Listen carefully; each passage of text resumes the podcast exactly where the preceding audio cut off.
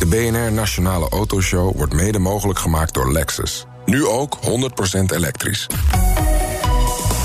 BNR Nieuwsradio. De Nationale Autoshow. Meindert en Wouter. Geen autoproductie in Europa, dus zijn er ook geen auto-onderdelen nodig. En dat zorgt voor grote problemen bij toeleveranciers. Daar hoor je zo meteen meer over. Ja, we gaan straks rijden. Ik heb de Audi RSQ8 aan de tand gevoeld. Oh, echt een verschrikkelijk mooie auto. Het is echt waanzinnig goed gedaan. Wouter Karsen in een SUV. Wat, eh, wat is er aan de hand? Jij haat SUV's toch? Ja, kijk, ik heb ook in de RS6 gereden. Dat is natuurlijk feitelijk de betere auto. Maar de, de- die RSQ8 is wel echt heel erg mooi. Dus dat, eh, ik vind het een mooie auto. En weet je, als je maar genoeg power erin vlamt... dan is zo'n SUV Ja, alweer dan te doen. Wouter al snel blij. Maar waar, Precies. waar- waar was je dan het meest van onder de indruk? Ja, ik vind het vooral heel erg mooi. En het is gewoon echt een. Het is zo'n lekker bloedsnelle auto. Dit, dit, dit soort auto's kan alles. Behalve heel zuinig rijden. Dat lukt dan weer niet. Maar eh, nee, ja, gewoon. Ja, maar goed. Pakket als geheel is fantastisch. Prijs aan de pomp. Ja, maakt het ook niet meer uit. Hè? Nee. Lach gewoon. We lachen erom. hey, maar eh, ja, straks meer over deze auto in de rijimpressie. Maar hoe ben jij nou deze weken van intelligente lockdown doorgekomen? Week 4 inmiddels. Week 4. Ik heb een eh, Polestar 1 ingeleverd. En eh, toen een Bentley Flying Spur opgehaald. Daar ben ik nu mee. Staat in, eh, past niet in het parkeervak hier beneden bij de FD Media Groep. Verder, ja, eigenlijk heel druk. En ook vooral met ja, weet je, pa- partners en klanten aan het kijken. Wat kunnen we nog wel doen en wat moeten we, hoe kan ik je helpen? Dus nou, dat heb jij ook. En uh, Ja, denk en, iedereen. En, en, en kinderen onderwijzen. Ja, dat, de, de, de, de ta- mijn vriendin doet daar heel veel in. En dat- Daar ben ik ook heel dankbaar voor. En mijn dochter die wil ook dat vooral zo houden. En vooral niet met papa doen. Maar met papa Ja. wel op de trampoline. En, Ingrid en ik proberen het een beetje te verdelen tussen alle Google Hangouts en Zoom-afspraken en Ja. eh, team-afspraken, beeldbellen, weet ik het wat Ja. we allemaal niet hebben. ja. En dan proberen we die afspraken een beetje op elkaar af te stemmen. Dat we niet allebei tegelijkertijd achter zo'n scherm hangen. Maar- dat de ander dan toch nog een beetje met die kinderen. wel. Maar heb je ook nog iets leuks gereden? Of is het, eh kom er een kwel in huis schut eh, deze week? Ja, het is een beetje, het is een beetje afzien. eh, jongen. ja. Ja, maar snel Ja. wat inplannen. N- Nout zou wat inplannen. Nou, Nout? Ja, regel even wat. Of als je als luisteraar een idee hebt, waar, waar moeten we nog in rijden? Want Waar een beetje le- iets leuks ja. voor mij Ja. net. Hè, Autoshow.bnr.nl kan je naar mailen, mail je suggesties. van een eh, Aston Martin V12, ja. V12 Speedster. Volgens mij zit er geen motorblokje in. Het is niet een rijdend. En ik heb een klein spleetje tussen mijn tanden, dus die vliegjes komen er gewoon doorheen. Nee, kan je in één keer doorslikken zo. Goed, gasten die eh, ontvangen we voorlopig even niet in de studio vanwege eh, ja, het coronavirus. Hè. Oh. Anderhalve meter afstand houden Ja. wij ook keurig aan vast hier in de studio. Eh, maar eh, we hebben wel via speciale verbindingen contact met de buitenwereld. Hopelijk laat hij ons niet al te vaak in de steek. De Nationale Autoshow. De coronacrisis bezorgt toeleveranciers een flinke dreun. Er is eh, geen vraag naar auto-onderdelen, omdat de autoproductie in Europa nou eenmaal stil ligt. Eh, Wout, het is niet anders. Yes. Ja, de gast is eh, Sigrid de Vries, secretaris-generaal van de CLEPA. Dat is de Europese koepelorganisatie voor automotive toeleveranciers. Waar bent u op dit moment? Ik zit in België. In België. Wel thuis, te werken. Ja. Veilig thuis. Ja. In, in België is, is het helemaal lockdown, hè? U, u mag helemaal niet naar buiten. Of nee, daar zijn de maatregelen wel wat strenger inderdaad Ja? dan in Nederland. Oh, ja. Dus je mag wel naar buiten, maar je moet het heel erg beperken. En er wordt ook wat strenger op gelet. Ja. Ja, wij Nederlanders hebben een soort gedoogbeleid op alles, hè? Dus dan, eh, dan gaat het allemaal nog net iets Intelligent op. heet dat hè? Ja, dat noemen we dan intelligent. Ja. ja, ja, dat noemen andere mensen. Nou, ja. Hey, eh, ku- kunt u nog wel gewoon uw werk doen? Ja, dat gaat goed. Gelukkig heb je de technologie vandaag om dat te kunnen doen. Maar uh, het is wel heel druk. En het is natuurlijk ook heel erg wennen voor veel mensen. Voor mijn hele team is het wennen.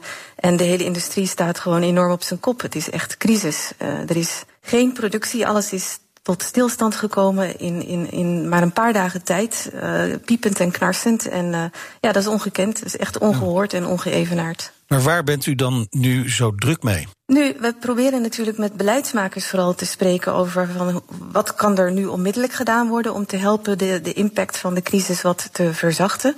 Maar ook al meteen te kijken naar de langere termijn. Ja. En we proberen ook binnen de sector uh, te coördineren, mensen met elkaar in contact te brengen. Want ook daar gaat het enorm belangrijk zijn om maatregelen en, en actie op elkaar af te stemmen. Niet ieder voor zich, maar samen. En dat geldt dan voor de toeleveranciers. En dat zijn natuurlijk heel veel. Dat zijn er duizenden in Europa.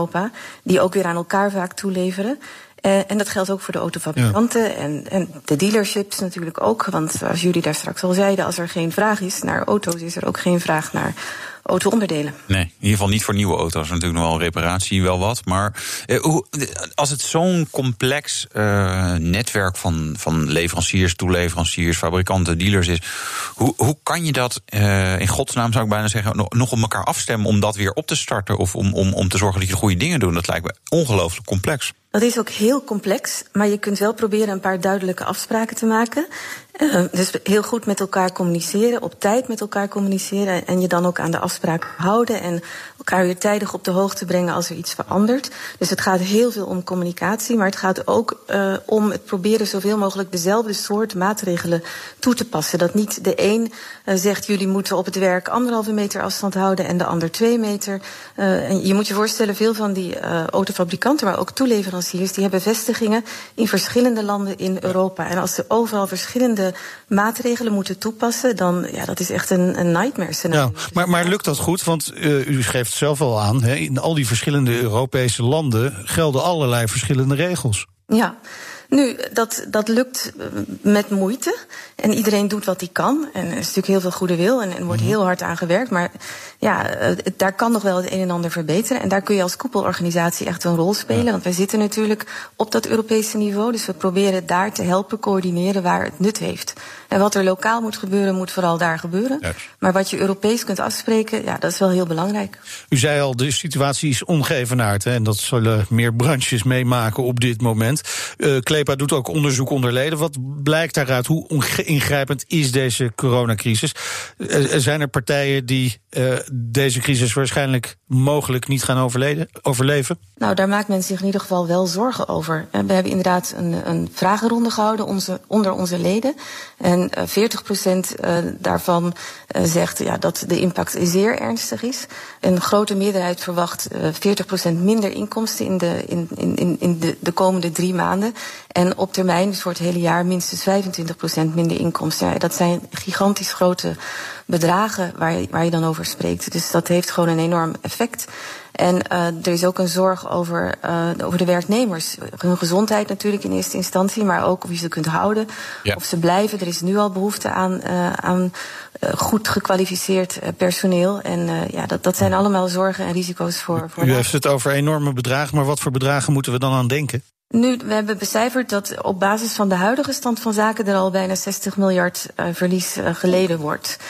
Ja, dat zijn gewoon echt heel grote bedragen. Ja, absoluut. Kijk, we hebben natuurlijk nu een situatie waarin er, nou ja, deze maanden sowieso worden weinig auto's gemaakt, bijna geen uh, en, en ook niet verkocht.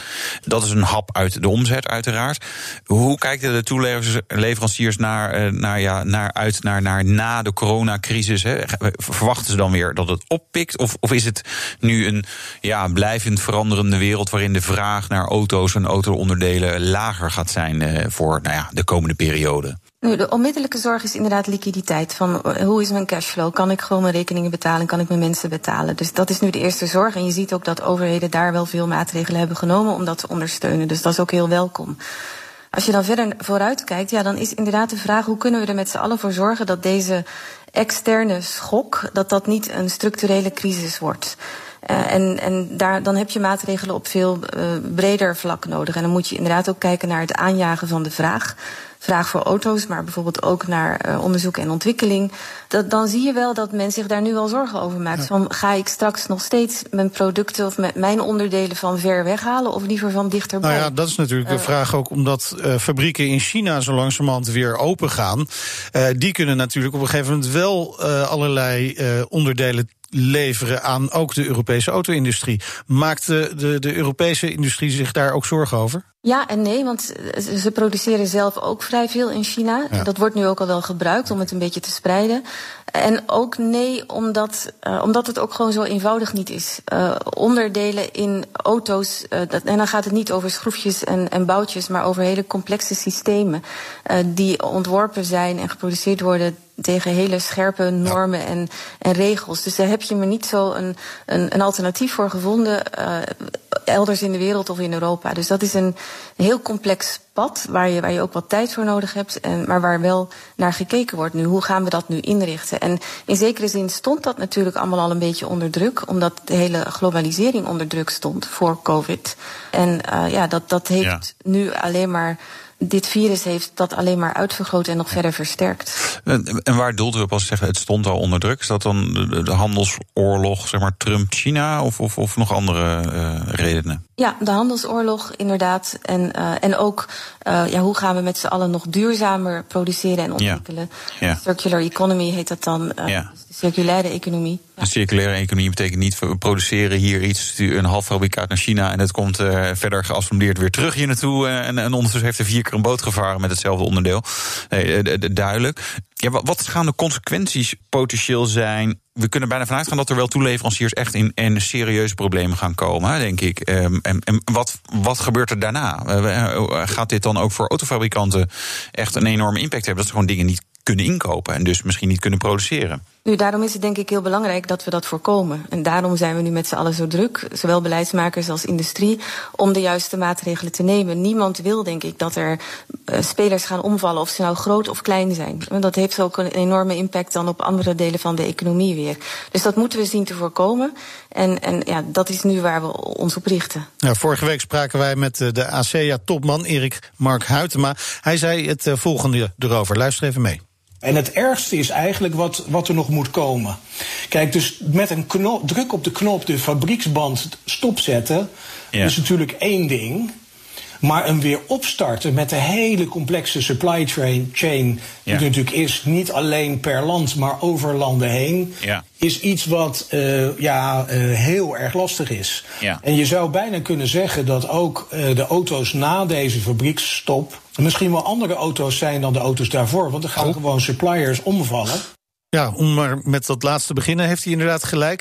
Uh, we hadden het er al over, veel suppliers gaan het moeilijk hebben... maar gaat die auto-industrie inderdaad gewoon blijvend veranderen hierdoor? Nogmaals, we moeten dat zien te voorkomen. En ik werk heel, heel goed samen met, met Erik Mark Huytema. En, en we spreken ook vaak samen met beleidsmakers weer. Dus ik denk dat, dat we daar echt in, in één en dezelfde boot zitten. Want inderdaad, als, als, als wij verkouden zijn, dan worden zij ook ziek en andersom. Uh, dus het is gewoon heel erg. We zijn heel erg van elkaar afhankelijk.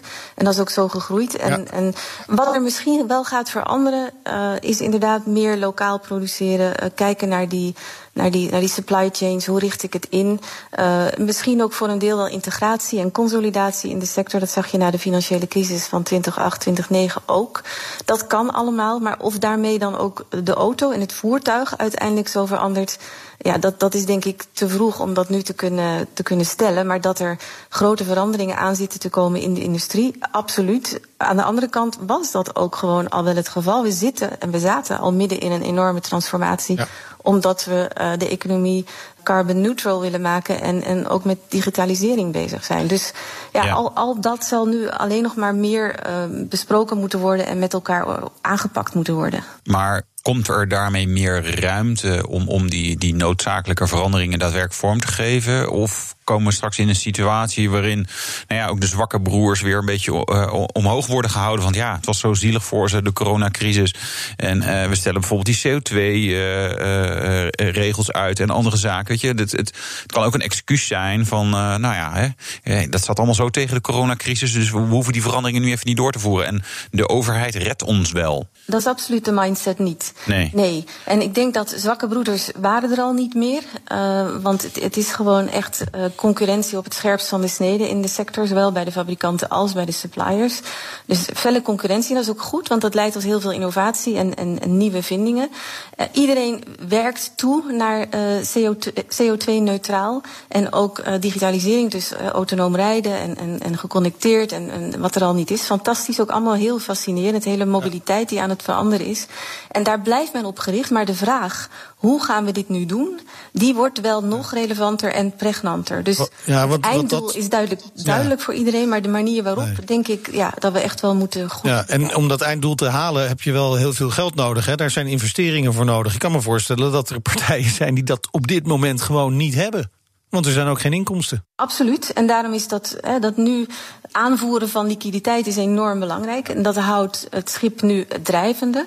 Uh, maar het is dus ook heel belangrijk om nu al te kijken voor de periode van hè, over drie, zes, uh, langer dan zes maanden vanaf vandaag. Van hoe kunnen we dan structureel die industrie gewoon echt uh, ondersteunen en, ja. en, en helpen. Ja, en dat bedoel ik niet met subsidies voor de industrie zelf, maar bijvoorbeeld wel kijken naar mobiliteit en, en, en welke, welke auto's worden er dan gekocht.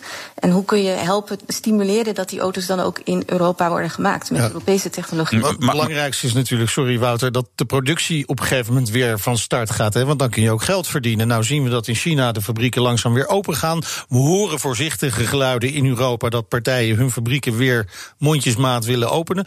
Hoe, hoe lang kan het duren voordat fabrieken weer gaan draaien? Inderdaad, er wordt gekeken of er misschien eind van deze maand alweer wat opgestart kan worden. En als een autofabrikant opstart, dan betekent dat dat een toeleverancier dat zeker een week eerder moet doen om de voorraden aan te vullen. Ik vraag me af of het haalbaar is. En als het zal gebeuren, dan waarschijnlijk eerst op een heel laag pitje, op een laag niveau. Dus met uh, een aantal shifts maar per week, per dag, uh, niet volle productiecapaciteit benutten. Heel langzaam om te proberen dat hele radarwerk van uh, toeleverantie en, en productie weer op gang te krijgen. En dat, dat gaat heel veel tijd vergen. En bovendien, inderdaad, de vraag moet er ook zijn. Als er niemand auto's nog koopt, ja, dan leveren de, de dealers geen orders bij de fabrikanten aan. En uh, dan, dan is er dus ook geen vraag verder down the line. Een vraag die ik nog had is ja, aan de ene kant voorzichtig opstarten. Aan de andere kant, dat kost dus nog meer geld. Want dan draai je heel inefficiënte fabrieken. Eh, waar toch een nou ja, gedeelte van het personeel dan toch aanwezig moet zijn. Maar de output is een stuk minder. Is het dan niet veel logisch om te zeggen van nou ja, wacht zo lang mogelijk. En op een gegeven moment, bam, in één keer gewoon volledig starten. In plaats van nou ja, dat veel voorzichtiger doen. Nou, ik denk dat het belangrijkste eigenlijk is dat we proberen om het zoveel mogelijk gezamenlijk en, en op elkaar afgestemd te doen. Want als je die, dat machientje uh, wel soepel aan het draaien krijgt, dan, dan los je een aantal van die problemen op. Dus ja, het, maar dat het veel geld gaat kosten, ik denk dat dat absoluut duidelijk is. En ook dat het nodig is om daar, om, om daar steun uh, te, te bieden, omdat het ook gewoon een essentiële industrie is voor de economie van Europa. En uh, zonder kunnen we gewoon niet. En dat geldt natuurlijk voor andere delen van de economie ook, maar zeker ja. voor de auto-industrie. We zouden het bijna vergeten, hè? maar wat nog boven de markt hangt, en dat was voorheen voor ons grootste probleem. de, de Brexit-onderhandelingen, feitelijk moet dat ook doorlopen. Baart u dat nog extra zorgen? Ja, het is natuurlijk op dit moment echt niet eerste prioriteit. En het loopt ondertussen wel door. Uh, en we hopen natuurlijk ook gewoon dat er een, een, een akkoord komt. Uh, dat, er, dat we niet. Uh, het ravijn inkukelen met z'n allen aan het eind van dit jaar. Want de overgangsperiode duurt tot het eind van het jaar. Dus laten we zien. Ik denk dat uh, ook in het Verenigd Koninkrijk politici op dit moment iets anders aan hun hoofd hebben. Uh, dus, en ik denk dat de bereidheid aan de Europese kant om uh, aan uitstel te werken iets groter is dan aan de kant van het Verenigd Koninkrijk. Maar misschien dat de situatie daar ook wel verandert. Gezien de situatie waar we nu met z'n allen in zitten. Ja, verwacht simpelweg een uitstel van die, van die Brexit uiteindelijk? Nu, ik durf daar geen voorspelling over te doen. Ik zeg niet dat ik het verwacht, maar uh, laat, laat ik zeggen dat ik het in ieder geval hoop. Ja, het zou u niet verwachten. Nu hoopt het. Ja, oké, okay, nee, duidelijk. Nee, het, het, het, lijkt me ook van de zotte om daar die, die harde deadlines maar, aan vast te houden. Dat, dat lijkt me ook. We ja. hebben iets anders aan ons hoofd ja. op dit moment. En uh, laten we hopen dat de productie aan alle kanten uh, snel weer hervat kan worden. Want het betekent ook dat we de, het virus onder controle hebben. Hartelijk dank, Sigrid de Vries, secretaris-generaal van de CLEPA, de Europese koepelorganisatie voor automotive toelevering. De rijimpressie.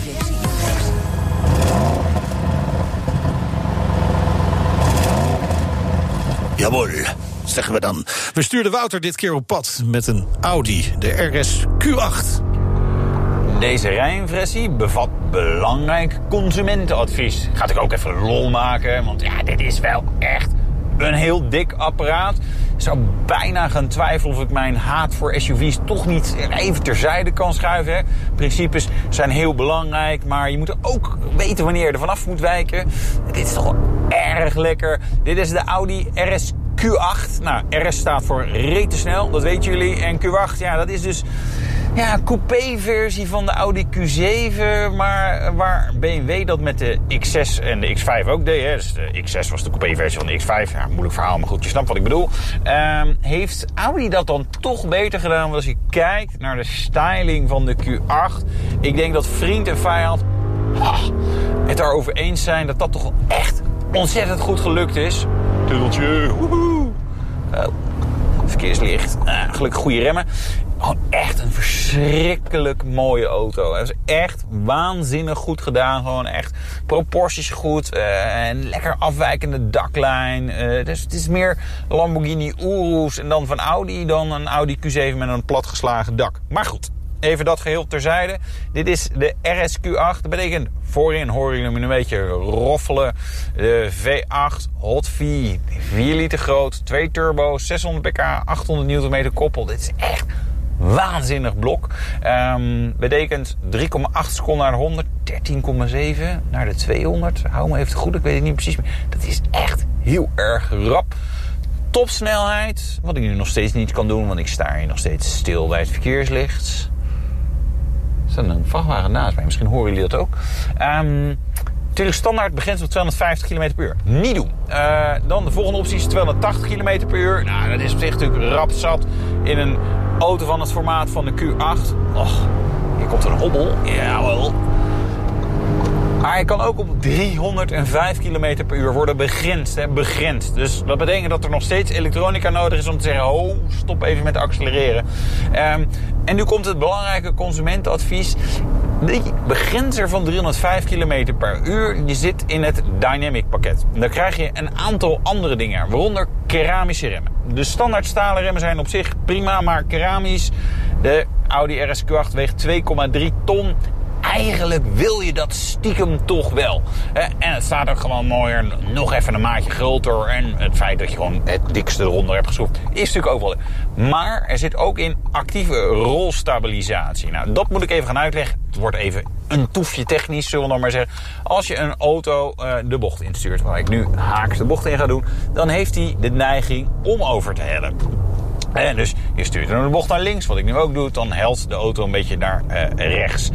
Um, rolstabilisatoren zijn feitelijk zeg maar, stalen stangen die zorgen dat nou, die kracht die op het linkerwiel komt, dan naar het rechterwiel wordt uh. Dat is wat die een beetje plat blijft. Fantastisch, dat wil je dus voor een sportievere auto. Maar wat zorgen die rolstabilisatoren er ook voor, is dat je als je op een hobbelige weg rijdt, dat die wielen een beetje verbonden zijn, dat het wat meer hobbelt.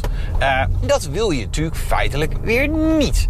Actieve rolstabilisatoren, wat die al aardig kunnen doen, die kunnen hem losgooien. Dus rij je rechtdoor, ga je geen bocht in, zoals ik nu doe. Nu ga ik wel weer een bocht in. In die bocht zegt hij dan, ik hou ze weer even vast.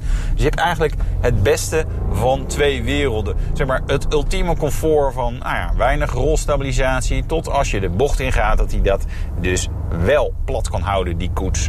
Uh, en sterker nog, actief plat kan houden. Dus hij gebruikt ook echt een elektromotor om nou ja, dan de koets plat te houden. Ik moet het goed zeggen. Dat is fijn. Zorgt voor een lekkerder weggedag, maar het zorgt ook voor meer comfort als je rechtdoor rijdt over hobbelige wegen. Dus ja, eigenlijk wil je dat. Uh, en laten we wel wezen, als je toch al 2 ton ging stuk slaan op een Audi RSQ8, maakt het eigenlijk niet meer uit wat je nog aan opties erbij gaat bestellen. Ja, ik weet, het is allemaal geld en, en natuurlijk, eh, iedere euro telt, want anders was je überhaupt nooit gekomen om op het punt te komen dat je een RSQ8 kon betalen. Maar toch, weet je, als je het dan doet, dan kan het maar beter goed doen. Um, drempel, gaat hier goed overheen zeg. Standaard luchtvering, 90 mm tussen de laagste en de hoogste stand. Ik rij nu in uh, dynamische stand. Ik kan ook weer in comfort zitten trouwens. Oeh. Dan gaat hij wat soepeler eroverheen. Ach, het is echt fantastisch. Zo'n mooi pakket.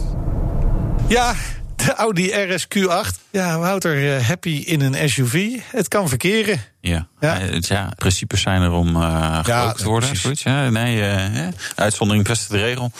Ik nee, ben... SUV's met een hele dikke V8, daar kan ik toch nog enthousiast over worden. Ja, hoor. Ja, toch nog. is ook wel heel erg. Ik, nee, ik vind ik sowieso, Q8 vind ik wel een van de mooiste auto's, maar überhaupt een beetje op de markt. Sommige SUV's hebben gewoon wel, is het gewoon wel, net zoals de Range Rover Velar, vind ik ook gewoon echt een mooie auto. Dus dat, die, die, kloppen dan gewoon. Het is niet alleen maar tuinhuisje, maar er zit ook nog wel een mooie lijn in. Maar goed, ja. En het stapt zo lekker makkelijk in en uit. Ja, dat is ook. Ja, ja nee, het is soms inderdaad wel lekker. Ik vind het soms ook wel lekker dat je gewoon een beetje in zo'n auto moet laten vallen. En dat je dan lekker laag zit, is wel voor de beleving wel gewoon. En dan, en dan aan het einde eruit rollen. Ja, precies. Ja. Ook lekker. hè? Zo op, op die stoep. dan lekker kreunend omhoog ah, komen. Ja, zo, last van mijn rug. Ja. precies. Ja. Hey, maar positief dus, maar wel een paar nadelen aan de auto. Ja, prijs, formaat, brandstofverbruik, onderhoudskosten. Nou ja, dat soort uh, triviale zaken. Waar we ons natuurlijk niet mee bezig moeten houden nu. Nee, en dan nog een positief element.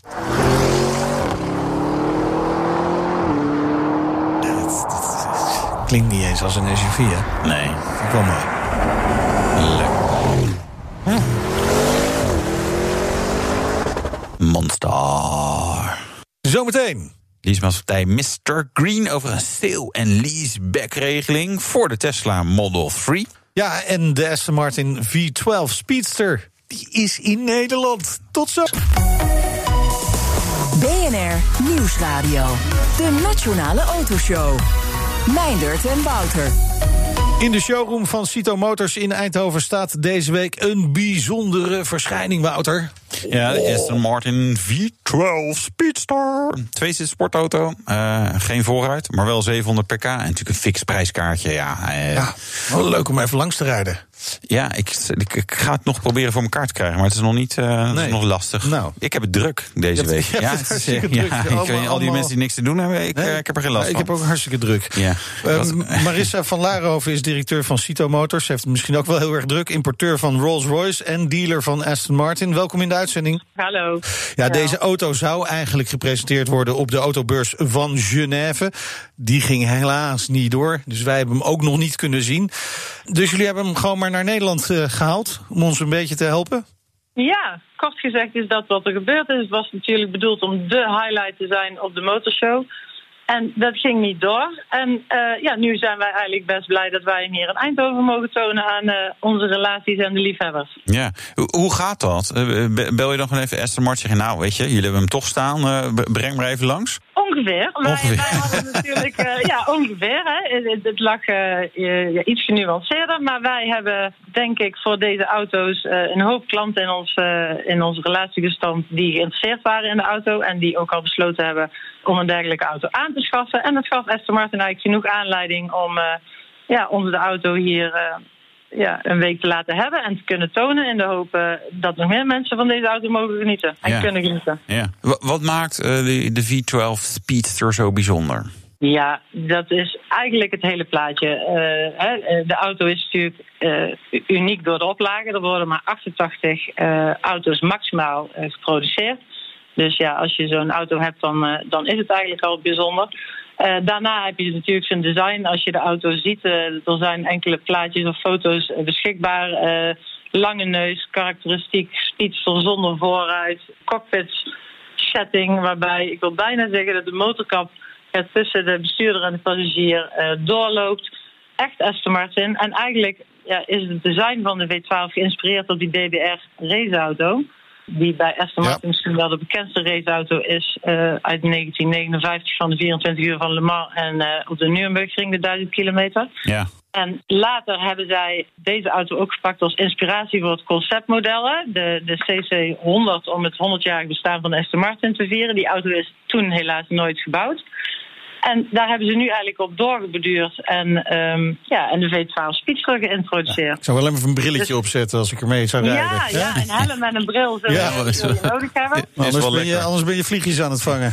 Maar, ja. Maar ik bedoel, zonder dak en zonder vooruit. Ik bedoel, het is nu ja. mooi weer in Nederland. Uh, het, maar verder natuurlijk eigenlijk niet. Is, is, hoeveel komen er naar Nederland van, van auto's als deze? Nou, wij hebben er nu enkele verkocht. Kan ik, kan ik vertellen. Dus dat is uh, ja, op een aantal van totaal en wereldwijd 88 voor een klein land als Nederland, uh, ja, denk ik toch wel bijzonder. Zeker. Maar ja, wij, wij hebben de auto nog staan en wij zijn nog met klanten op afspraak in gesprek. Dus ja, wie weet kunnen er dat nog wel wat meer worden. Ja. En daar hopen we natuurlijk op. Dus ja. Uh, ja. Ja, dat snap ik. Want ik, ik zag het prijskaartje. Uh, om Ja. even een flauw bruggetje te maken. Is 750.000 euro ex, ex, ex. Ja. Dus ex BPM, ex BTW. Ja, bij een bijzondere auto wordt ook eh, in Ja, bijzonder een bijzondere prijs. Ja. Ja. Nee, dat is ook zo. Dan moet Maar- je wel even in de handjelletjes hebben gehandeld de afgelopen tijd, Ja. denk ik. hebben of zo. bijvoorbeeld, ja, er zijn altijd mensen bij, bij die, die geld verdienen in dit soort momenten natuurlijk. Hè. Dus, maar, maar is er inderdaad, ondanks de crisis, toch gewoon markt voor dit soort auto's? Want dat is natuurlijk, ja, weet je, eh, er zijn ook mensen die, die even, even niet zoveel te besteden hebben. Maar dit, dit, dit loopt ook wel toch wel weer door. Hoe ja, werkt dat? Het is crisis, hè, vooropgesteld. Dat is bij ons ook zo. Je ziet het aan een showroombezoek. Klanten die toch heel even hè, de kat uit de boom kijken of even op de rem drukken. Maar ja, dit, dit komt nu voorbij. Ze bouwen maar 88 eh, van deze unieke auto's. En eh, de, de echte liefhebbers, die wij dan toch wel eh, een aantal hebben, ja, die willen ook hun kans niet missen. Dus die schakelen zelfs in deze tijd, ja, ja toch? Kan het niet anders zeggen. En Nee. die kopen dan toch ook in deze tijd toch zo'n auto. Ja, nee, snap ik. J- Jullie eh verkopen ook Rolls Royce. Daar geldt denk ik een beetje hetzel- eh, hetzelfde Ja. voor. Maar ook BMW en, en Mini. Ik, bedoel, ik, ik neem aan dat ja, jullie moeten toch wel een aantal dingen van de crisis gaan merken. Ook voor die, juist misschien wel voor die merken. Hoe, hoe, Ja, hoe, gaat Ja, het bij zeker. jullie? Ja, uitgerekend eh, eh, ook voor die merken. We hebben ook eh, Jaguar en Land Rover vanzelfsprekend. Nou, en daar zie je dat, ja, dat klanten toch wat voorzichtiger zijn. En ja, ook op aanraden van, eh, ja, van een ieder de showroom of ja, bezoeken die niet nodig zijn even mijden. En dat merken wij natuurlijk ook. Ja. Alleen dat is natuurlijk een, een ander verhaal. Dat, dat, dat zijn veel auto's die morgen en volgende maand ook nog beschikbaar zijn. En deze auto die komt toevallig nu voorbij. Hij stond Ja. nu gepland. Dus ja. Ja, en dan willen mensen hem toch, toch hebben. hè? Ja, en die grijpen dan toch hun kans. En, Ja. en, en terecht, want het is ook een, eh, het is een prachtige auto. Ja, prachtige auto voor een, eh, voor een mooi prijsje, Wouter. Ja. Eh, Is, is dit eigenlijk, want oké, met die andere merken ga je die prijzen niet halen. Is, is dit het duurste wat jullie ooit hebben verkocht? Nee. Nee, nee wij hebben, met, met de merken die wij voeren, hebben we, eh, ja, komen er wel eens meer limited editions voorbij. Zowel voor Rolls-Royce als ook voor Aston Martin natuurlijk. En Aston Martin, eh, zoals jullie ongetwijfeld weten, heeft natuurlijk al een prachtige Valkyrie gehad. Ah ja, En die heeft ja. eh, Vanquish Sagato's in diverse varianten op de markt gebracht. En daar hangen ook allemaal eh, bijzondere prijskaartjes aan. Ja, Ja. Gaat dan zo'n verkoopproces ook heel anders als je een auto met een prijskaartje als dit eh, eh, moet slijten? Of, of valt het wel mee? Is er nog steeds mensen komen kijken en zeggen: Nou, doe maar. Kan die ook in het rood? Of kan er. Hè? Hoe gaat dat? Twijfel een beetje over die radio. Ja, ja. Nou, iedereen die denkt natuurlijk overal goed over na voordat ze tot een aanschaf overgaan. Alleen, Ja. Kijk, een, een auto die je dagelijks gebruikt is, is misschien anders dan, Ja. dan deze auto's. Hè. Dit koop je uit emotie en niet uit praktische overwegingen per se. Nee. nee, ja. een 12 Ja, cilinder zonder, zonder dak. traject. Nee, ja. ja en eh, verkooptraject, dat, dat, dat is eh, emotie. Mensen zien een auto die, die eh, zijn instantly in love. En ja. die hebben daar iets mee. En ja, die kopen dan zo'n auto. Kan Ja. niet anders. Nee. Ja. nee. Nou, hartstikke mooi. Gelukkig dat dat eh, in ieder geval nog steeds gebeurt. Het zijn natuurlijk bijzondere tijden en ook eh, moeilijke tijden. Komt neer op ondernemerschap nu. Wat, wat doen jullie om toch die verkoop van ook die andere merken omhoog te houden? En, en zie je ergens toch een beetje licht eh, aan het einde van de tunnel? Ja, zeker. zeker. Kijk, eh, we hebben al een keer eerder een crisis gehad. En het enige wat belangrijk is, is een crisis is, is niet altijd alleen maar ellende en biedt uiteindelijk soms ook kansen. En het is zo dat je daar zelf mee omgaat en hoe zou je daar zelf in staat. Wij zijn een van de landen die nog onze showrooms en hè, onze mensen op locatie werkzaam mogen hebben. Dus ja, die zijn nu gewoon druk bezig met het eh, toch in contact blijven met onze klant. eh, het toch eh, laten zien dat we er zijn en dat we druk en bezig zijn. Dat we goed bereikbaar zijn als er iets nodig is. Dus ja, weet je, stilzitten heeft nooit zin. En zeker in deze tijden niet. Dus ja, je, je bent er zelf een klein beetje bij in onze branche. Heel veel succes eh, daarmee. En ik hoop dat het allemaal gaat eh, lukken. Hartelijk dank, Marissa van Laarhoven, directeur van Cito Motor- Motors in Eindhoven. De Nationale Autoshow. Wouter, ja, het is, eh, zal je misschien verbazen. Nou, jou niet, maar de luisteraar misschien wel. Maar er is gewoon autonieuws. Ja, af en toe. nog, hè? Ja, wel vaak over uitstel of afstel. Corona. Eh, ja, de start van het Formule 1 seizoen die wordt steeds eh, verder opgeschoven. Totdat het gewoon vanzelf 2021 wordt. Want de Grand Prix van Canada, half juni stond die op de agenda. ja, gaat ook niet door. Nee, wij hadden nou tenminste, jij probeerde een weddenschap bij mij aan te gaan over het doorgaan van de Dutch Grand Prix. Heel wijselijk was ik die niet aangegaan. Ja. Oh, dat, Maar dat ik had toch nog echt ja. gevoel dat dat best wel kon. Ja, Toen nog. Toen nog, ja. ja. En nu zeggen we al, nou, begin half juni, maar dacht het niet. Eh, dus ja, potentieel Frankrijk eind juni als dat eerste. dat- mag ik dat dan nu Hmm, zeggen? Ik denk dat ze dat niet gaan halen. Lijkt mij ook lastig. Ja, aan de andere kant, kijk, je hebt Ja, dus zonder met- publiek dan. Nou, dat is natuurlijk nog wel een optie. Kijk, weet je, de, de oude Romeinen wisten het al, hè? brood en spelen. Eh, brood hebben we allemaal nog wel. We, we hadden nieuw of hamsteren. Spelen Eh, doen we spelen- altijd op vrijdag. Eh, tussen drie ja, en dat wel. Maar het is, het is leuk dat er ook nog andere dingen... Nee, maar Formule 1 en voetbal en zo. Er is Ja. natuurlijk best een, een, een casus voor te maken... om te kijken van hoe kan je dat wel voor elkaar krijgen. Dit is nu nog te vroeg, maar... Dat je iets zou moeten gaan doen om ook mensen een beetje te vermaken, is niet zo heel erg gek, denk ik. Nee, maar dat doen ze met virtuele races. Nu. Ja, vind het echt heel spannend. Heb je dat Nee. gezien van die, van die eh, dat was in Amerika, een race. En er was een van die gasten, die werd, werd dus virtueel aangereden. Ja. En, maar je zag ook een camera op zijn plek waar hij gewoon echt bezig was. Daar had hij het zo mee gehad dat hij gestopt is. is hij gewoon de paddock ingereden. Virtueel, allemaal. Maar hij is niet virtueel ontslagen door zijn sponsor. Die Nee. is er gewoon mee gestopt. Oh, heerlijk. Ja, Ja. ja. dat kan natuurlijk ook nog. Ja, die dacht van, hé, hey, ik hou niet van stoppers. Nee, nee, terecht. Gewoon doorgaan. Nou ja. Nee, ja, weet je, ik, eh, het, het is dan, het is niet helemaal de real eh, deal. Ehm, er zijn nu wel allerlei plannen om eh, dubbele race op de Red Bull Ring of in Silverstone. Ja, Jan Lammers zelfs, en, wat hem betreft kan het gewoon lekker op woensdagavond gereden worden, de Dutch Grand Prix. Lekker tijdens de eh, ene scherm zit je dan Champions League te kijken. Ja. ja, en de andere de Formule 1. Ja, weet je, het is natuurlijk toch gewoon. eh, Weet je, kijk, als je netto kijkt welke spannende momenten zijn in een voetbalwedstrijd en een Formule 1 race, is het bij elkaar minder dan 10 minuten. Dus ja, je, je kan. Dat, de kans dat het overlapt kijk, is ook wel nul, hè? Als Max dan het helemaal slim eh, Ja. uitvogelt, dan haalt hij precies in als het pauze is tijdens- die Champions League Ja. wedstrijd. Ja. En dan wint hij gewoon. Nou, hartstikke goed. Hey, de pleit opnieuw voor het afschaffen van de BPM en de verlaging van de BTW. Om nieuwe auto's aantrekkelijker te maken in deze crisistijd. Nou, Goed plan. Ja. ja. Kijk, ik denk Natuurlijk dat er goed zo plan, maar- doorgaat. Ja. ja. Maar je weet nu al dat Nou, dit niet gaat gebeuren, toch? Mm, zijn er niet- heel hard mee bezig. De laatste belastingen die er verdwijnen, zijn die op Nou, auto's. Ja, ja. En ik, ik denk dat je in, in- trouwens in landen om ons heen... misschien nog best wel eh, pakketten gaat krijgen dat gaan stimuleren. In Duitsland, Frankrijk, Spanje, Italië... waar ze auto-industrie hebben. Ja. Eh, we, we hebben, wij hebben VDL Netcar, maar is natuurlijk maar klein. Dat er best wel is, is iets zou kunnen gebeuren... om toch ook gewoon een beetje reuring in die markt Ja, te krijgen. maar goed, de vraag is of dat nodig is. Hè? Want Duitse experts verwachten dat nieuwe auto's tot wel 50% goedkoper gaan worden. Vanwege de Ja. coronacrisis. Aan mijn lachje kan je iets afleiden. Nou ja, eh, volgens mij dikke onzin. Wat je altijd kan krijgt... gewoon niet, denk ik. N- Nee, en er is nu productieuitval. Eh, en er is ook vraaguitval. Maar voordat het weer opgestart is. En, en ja, ik, weet je, potentieel eh, wordt het misschien wel duurder. Omdat het allemaal ingewikkelder is. Ja. om weer die auto's te maken. En ehm, kijk, goedkoper. Het aanbod is ook gewoon kleiner straks. Kijk, je hebt nu natuurlijk bij de dealers absoluut, zeg maar, natuurlijk winkeldochters die staan. Of dealers die zeggen, ja, ik wil toch nog iets aan handel doen.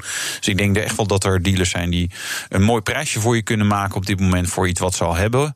Maar eh, echt veel goedkoper, lange termijn. I don't think so. Ik, Wouter, ik wil je even terugnemen in de tijd. Ik denk, Autorij 2006 was er toen eentje. Zoiets. Eh, ja, zoiets. Er hè? stond in ieder geval een heel gek apparaat. Ja. Een SUV van een sportwagenmerk. Dat was idioot in die tijd. Mm, Ja, ja, Porsche deed het met de Cayenne, maar dit was natuurlijk de, de super SUV. Hè? Super SUV, spijker. Sp- Ja, date 12 Peking to Ja, Paris. ja, en ik heb daar toen nog met Victor Muller een interview in die auto gedaan. Ja. En ja. ik dacht echt, dit, dit, dit, dit- Ja, Is is bijna, te, ge- bijna te gek voor woorden, dacht Ja. je nog. Ja, nee, toen, toen had hij nog wat meer credibility. Nou ja, maar, maar, maar achteraf gezien, weet je, doen alle sportautomerken dit nu. Dus Ja. hij, hij had het gewoon goed gezien op ja, zich. Ja. Ja, ja, alleen ja, een maatje te klein. En eh, Ja. ja. weet je, je moet er veel geld in, eh, in pompen. Einde verhaal, hij komt er niet, maar, maar hij komt ja, er misschien ja, toch. misschien Ja. wel. De, de, degene die Minotto eh, zeg maar, heeft eh, gebouwd. Hè, Sportauto. Ferrari. eh, gaat een W12 B-turbo met 500 pk in het studiemodel lepelen. Alleen, ik, ja, ik volgens mij. De concepten die er waren, wat dat had niet zoveel met een rijdende auto te maken. Ehm, dus ik, ja, om daarna te zien hoe je daar een rijdend iets van maakt. Ik ben heel benieuwd. Maar goed. We laten ons graag verrassen, toch? Precies. Dankjewel, Wouter. Tot zover het nieuws. Meindert en Wouter. Leasemaatschappij Mr. Green schiet ondernemers in financiële problemen te hulp tijdens de coronacrisis met een speciale sale- en lease-back-regeling voor de Tesla Model 3. Wat onbaatzuchtig van. Nou, ze. hè. ja, zo Ja, het beste met de wereld. voor. precies. Ze staan nu op, hè, de goede ondernemers. ja, dat is waar. Dat denk ik wel. Mark Scheurs is CEO van Mr. Green. Welkom in de uitzending. Een speciale sale- en lease-back-regeling voor de Tesla Model 3. Waarom doen jullie dit? Twee weken geleden kwamen we bij elkaar en toen eh, dachten wij ook hoe kunnen wij iets doen eh, om ondernemers eh, tegemoet te komen. Wij zijn natuurlijk ook zelf ondernemers. Toen kwamen we heel snel tot de conclusie dat eigenlijk dat er zoveel Tesla Model 3's zijn uitgereden vorig jaar, 25.000. En heel veel daarvan zijn gekocht door ZZP'ers eh, zomaar omdat ze geld op de bank hebben staan en dat ze dat eh, geïnvesteerd hebben in een auto. Ja, eh, om nu snel geld vrij te maken, zouden wij natuurlijk deze in een sale en leaseback kunnen overnemen. Ja. En hoe werkt dat? Eh, ik, ik bedoel, het is redelijk zelfomschrijvend, maar, maar, maar toch goed om het even, even goed eh, uit te spitten, denk ik. Nou, er zijn heel veel mensen die die auto gekocht hebben in november, december, eigenlijk met Ja. cash van de bank. Ja. Wij, die, die factuur die stuur je naar ons toe. Wij maken het geld terug naar je rekening over, naar je zakelijke rekening. Ja. Eh, en je leest hem, operational lease bij ons terug. Ja. Maar dat volledige bedrag waarvoor je hem gekocht hebt. Ja, er zit een kleine eh afschrijvingscomponent bij. Kleine. Dus, eh, Dit is toch een- een, een wiel uit de showroom is volgens mij altijd wel. hakt er toch wel in. Ook, ook bij Tesla, lijkt mij. Dus, dus dit is Ja, volgens mij. ja. is eh, marktwaarde. Je mag toch niet daarvan afwijken? Of, Ja, absoluut. Ja, we gebruiken autotelex daarvoor. Want we doen het heel transparant, autotelex, data. En als je die daar nu op kijkt, een vier maanden oude Tesla, die is eh, ja, heel schappelijk afgeschreven. Dus dat, eh, maar goed, dat is aan de beoordeling van de klant zelf. Ja. Kijk, als de klant eh, veel eh, het voor een laag bedrag doet, ja, dan eh, moet hij ook een relatief hoog of laag bedrag. Maar, maar dan wil ik toch even wat, echt wat cijfers horen. Hè? Want er zijn mogelijk eh, luisteraars die met zo'n Tesla Model 3 eh, eh, zitten en denken van nou, dit is misschien wel een regeling die voor mij interessant is. Wat, wat kan dat opleveren? Een long range Tesla, nou zeg ik, is de prijs niet bij de hand, maar voor 50.000 euro. Eh 20.000 kilometer, 60 maanden, betaal je ongeveer 765 euro per maand. Ja, dan krijg je dus een heel groot gedeelte van je investering krijg je dus terug. En dat kan je op Autotelix eh, even opzoeken. Eh, en dan betaal je komende 60 maanden 765 euro per maand. Het is wel een, een, ik bedoel, het is een, aan de ene kant een mooie constructie. Aan de andere kant denk ik, maar als jij drie maanden geleden 50 of 60 roodjes hebt stuk geslagen op een auto. En dan heb je nu na een maand crisis al ja, eh, daar zo de nood hoog is. Dan denk ik, oeh, dan heb je niet helemaal de goede keuze gemaakt qua investeringen. Ja, ik weet het niet, Wouter. Misschien Nee, had je eh. al wel heel veel in de boeken staan. Hè? Eh, heel veel mensen. Ik ben zelf dagvoorzitter. Nou ja, je begrijpt wat er dan eh, gebeurt. Ik heb gelukkig geen auto gekocht. Maar daar kwam heel wat geld binnen dat er nu niet binnenkomt. Ja, Als je dat al in de boeken hebt staan, in ieder geval in gedachten, dan heb je wel een probleem. ja. Maar ja, jij hebt die auto ook niet gekocht. Nee, dat is waar. Dus maar Mark, hoe, hoe kijk je daar tegenaan? Want er- er er is ook wel een beetje dat eh, dit soort constructies. eh, hoorde ik iemand anders zeggen: ja, maar daar, daar krijg je allemaal slechte klanten binnen die het eigenlijk allemaal niet kunnen betalen. Of vind, vinden Ja, jullie dat meevallen? Ja, ik denk dat jullie het meevinden van Ja. als zij het niet doen. Er Maar zijn, het zijn, ja, nee, absoluut. Er zijn- We houden absoluut een hele goede kredietcontrole, moeten we uitvoeren. Dat moet ook echt. Alleen, eh, we willen ook echt ondernemers gaan helpen. Want er zijn ook heel veel ondernemers die niet weten... op het moment dat ze verliefd werden op die auto in november, december... of misschien wel verliefd op de bijtelling werden eh, in november en december... eh, dat ze eh, eh, de constructies wisten. Ehm, financial lease, operational lease, een auto kopen... ja, voor ons in de automotive-industrie is het heel erg bekend. Eh, alleen, eh, ik hoop wel dat mensen nu wakker worden... te zeggen, Hè, wat is het dan voor een constructie, full operational lease? Wij vinden het een ideale oplossing, in ieder geval, dit product. Eh, en die mensen zijn zelf, eh, eh, ja, ze kunnen er gebruik van maken of niet. Ja, en jullie zouden het product niet hebben bedacht als je niet had geweten dat er ook een, een, markt voor is. Hè, dat er mensen zijn die in nood zijn. Wat voor verhalen hoor je daarover? Eigenlijk alleen maar positief. Dat is natuurlijk spannend. Hè? We hebben stil en leaseback is nooit onze core business geweest. Is, is eigenlijk nog steeds niet onze core business. Het is een, het is een zijproduct. Wij hebben dat nooit gedaan. Ehm, maar wij, werkten, wij merkten wel dat we meteen de eerste dagen dat we het online hadden. Uh, het was spannend, want hoe gaan mensen reageren? Gaan mensen zeggen, je maakt gebruik van de situatie, wat echt niet de bedoeling is? Het is echt puur een hulpproduct. Uh, om mensen nu uh, ja, tot inkeer te krijgen en te zeggen, joh, dat is voor mij een hele interessante optie. Dus eigenlijk alleen maar positief. Er zijn er heel veel Model 3's, maar er zijn ook nog wel een heleboel Model S'en en Model X'en. En overigens ook andere EV's. Waar, waarom gaat die regeling alleen voor de Model 3? Twee weken geleden bedacht. Uh, eigenlijk heel simpel. We moeten in twee weken moesten een product lanceren. Als we dit voor alle auto's gaan doen, wat misschien in de toekomst een mogelijkheid is voor alle elektrische auto's. Alleen binnen twee weken een product lanceren, plus alle IT op de achtergrond uh, uh, en de financiering regelen. Ja, ja, dat kunnen we nu alleen nog voor de Model 3 doen. En dat betekent ook dat vorig jaar zoveel, zijn 10.000, dat zijn 25.000 Model 3's uitgereden. Uh, ja, dan, dan pak je, als je nu een klap wil maken en echt ondernemers wil helpen, dan doe, je, uh, dan doe je dat voor de groep die het grootst is. En dat is voor nu de Tesla Model 3. Ja, nou ligt de productie van Tesla in Amerika op dit moment stil. Hè? Zorgt dat voor problemen met levering op, uh, op de korte termijn? Nou, ik heb net eventjes de, de cijfers bekeken. ze hebben er ongeveer 100.000 gemaakt ja. in Q1. En 88 hebben ze er uh, afgeleverd. Betekent dus dat er ongeveer 14.000 ergens op een boot staan. hm. ja. Er zijn uh, geruchten dat, dat, uh, dat misschien staan ze wel in, in, in, in België. Er zijn ook geruchten dat ze naar Engeland zijn gegaan, deze auto's. Dus we, we zijn er nog denk ik 10.000 toch achter de hand. En de fabriek um, die gaat ook 4 mei waarschijnlijk weer open. Althans, de geruchten zijn dat die 4 mei weer open gaat. Yeah. En het is een essential business voor, voor Trump. Yeah. En voor de, nou, voor de federal government daar. Nou, nee, ja, dat, dat riep eh, Musk heel hard. En, en toen was uh, de staat Californië zijn. Dat dachten we toch even Precies, niet. want Trump uh, gaat er ook niet over, nee. over, wat er in de staat dus, Californië gebeurt. Maar, ja, ik weet, weet je, vooruitkijken naar van wanneer productie opstart... is natuurlijk een hele lastige in die zin. Want ik bedoel, een maand geleden stond ik nog op een berg in Finland. Er was er ook nog niet zoveel aan de hand in de wereld. Of minder in ieder geval. dus ja, weet je, dat is moeilijk te voorspellen. Maar zien jullie überhaupt nog vraag naar de Model 3 in de lease. Want ja, het is leuk dat er auto's zijn. Maar als de hele economie uh, plat ligt, dan uh, ja, ik, ik weet niet. Het lijkt me niet het eerste zeg maar, waar mensen naar gaan kijken. Weet je wat? Gaan ze even een nieuwe Model 3 configureren en bestellen. Nou, ik denk dat je. Uh, bij ons is er wel heel veel vraag naar de Model 3. Maar dat is ook niet zo heel gek. Want vorig jaar was, waar ze waren, zijn er 25.000 Model 3's op de weg gezet met 4% bijtelling. Nu is die bijtelling slechts 8%. Hè, nog steeds heel laag. Mm -hmm. Het verschil tussen 22 en 8 is nog steeds gigantisch. Dus als mensen nu een auto uh, in de lease gaan zetten, dan kiezen ze natuurlijk voor een auto met lage bijtelling. Dus nog steeds zie je heel veel vraag naar een Tesla Model 3. Wij zien het zelf aan de verkopen ook. Uh, tuurlijk is dat teruggevallen afgelopen, afgelopen maand. Alleen de auto's die we nu uh, beschikbaar komen, uh, de Model 3's die nu beschikbaar komen, nog met 4%, maar ook met 8%, die zijn eigenlijk binnen twee, drie ja. dagen weg. Renate Hemering van de Vereniging van Nederlandse Autoleasemaatschappijen zei vorige week het volgende in onze show. Luister even mee. Het klinkt misschien een beetje gek.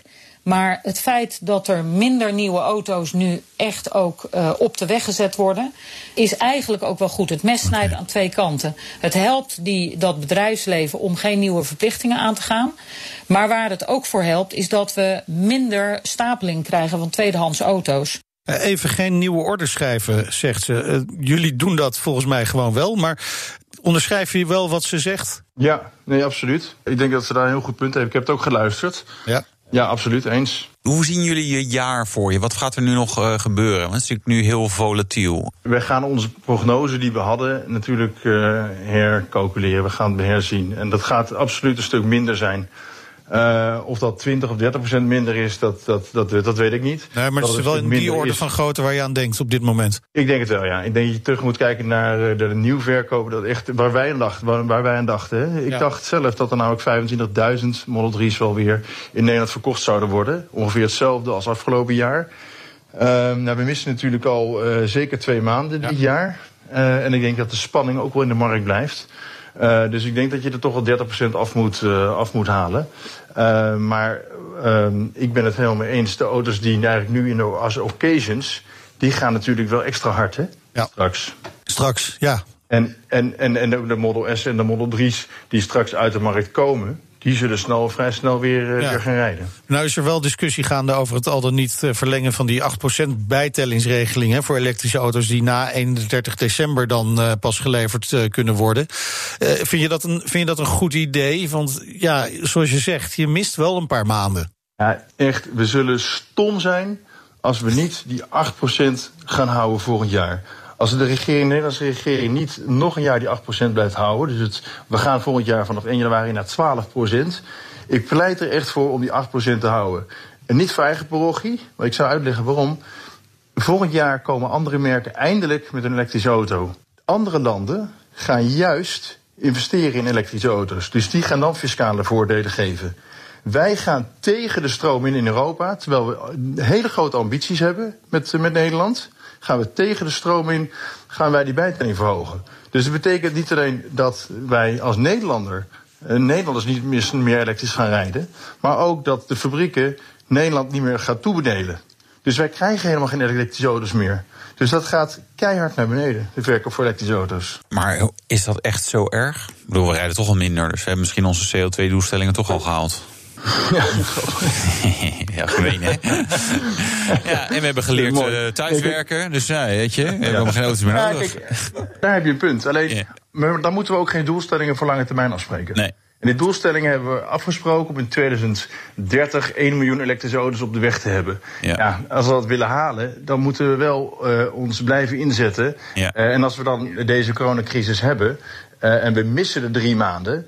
Um, dan moeten we ook net zo makkelijk dat wij die bijtelling hebben opgeschroefd, teruggedraaid, moeten we hem ook weer net zo makkelijk kunnen terugschroeven, denk ik. Ja. Geldt het trouwens ook voor de aankoopsubsidie van 4000, was het 4000 euro was dat, hè, geloof ik?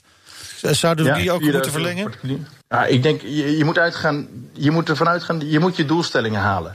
En als je nu, doordat je twee maanden verliest en de sentimenten zijn heel laag, ja, dan moet je kijken of je je doelstellingen nog kan halen. En ik denk dat je ze lange niet gaat halen als je nu en die 4000 euro gaat stoppen straks en die, uh, die, die, bijtelling van 8% naar 12% gaat verhogen van, naar 1, uh, 1 januari. Dankjewel, Mark Scheur, CEO van leasemaatschappij Mr. Green. En heel veel succes met het ondernemen de komende weken. En dit was de Nationale Autoshow. Terugluisteren kan via de site, de app. Podcast via Apple Podcasts, Spotify. Als Ja. je nog uh, vragen hebt, kan je mailen naar autoshow.bnr.nl. Ook als je een suggestie hebt voor wat Meijnerd moet gaan rijden. Ja. Mijn naam is, eh, of zo. zoals je Ja. hoort, Meindert Schut. Mijn schut. En ik ben Wouter Karsen. Blijf gezond vooral. En Hou tot- afstand. Ja, precies. Anderhalve meter minimaal. En tot volgende Wat week. is, is dat niet al bumperkleven, anderhalve meter? Dat is hartstikke bumperkleven. Ja. De BNR Nationale Autoshow wordt mede mogelijk gemaakt door Lexus. Nu ook 100% elektrisch.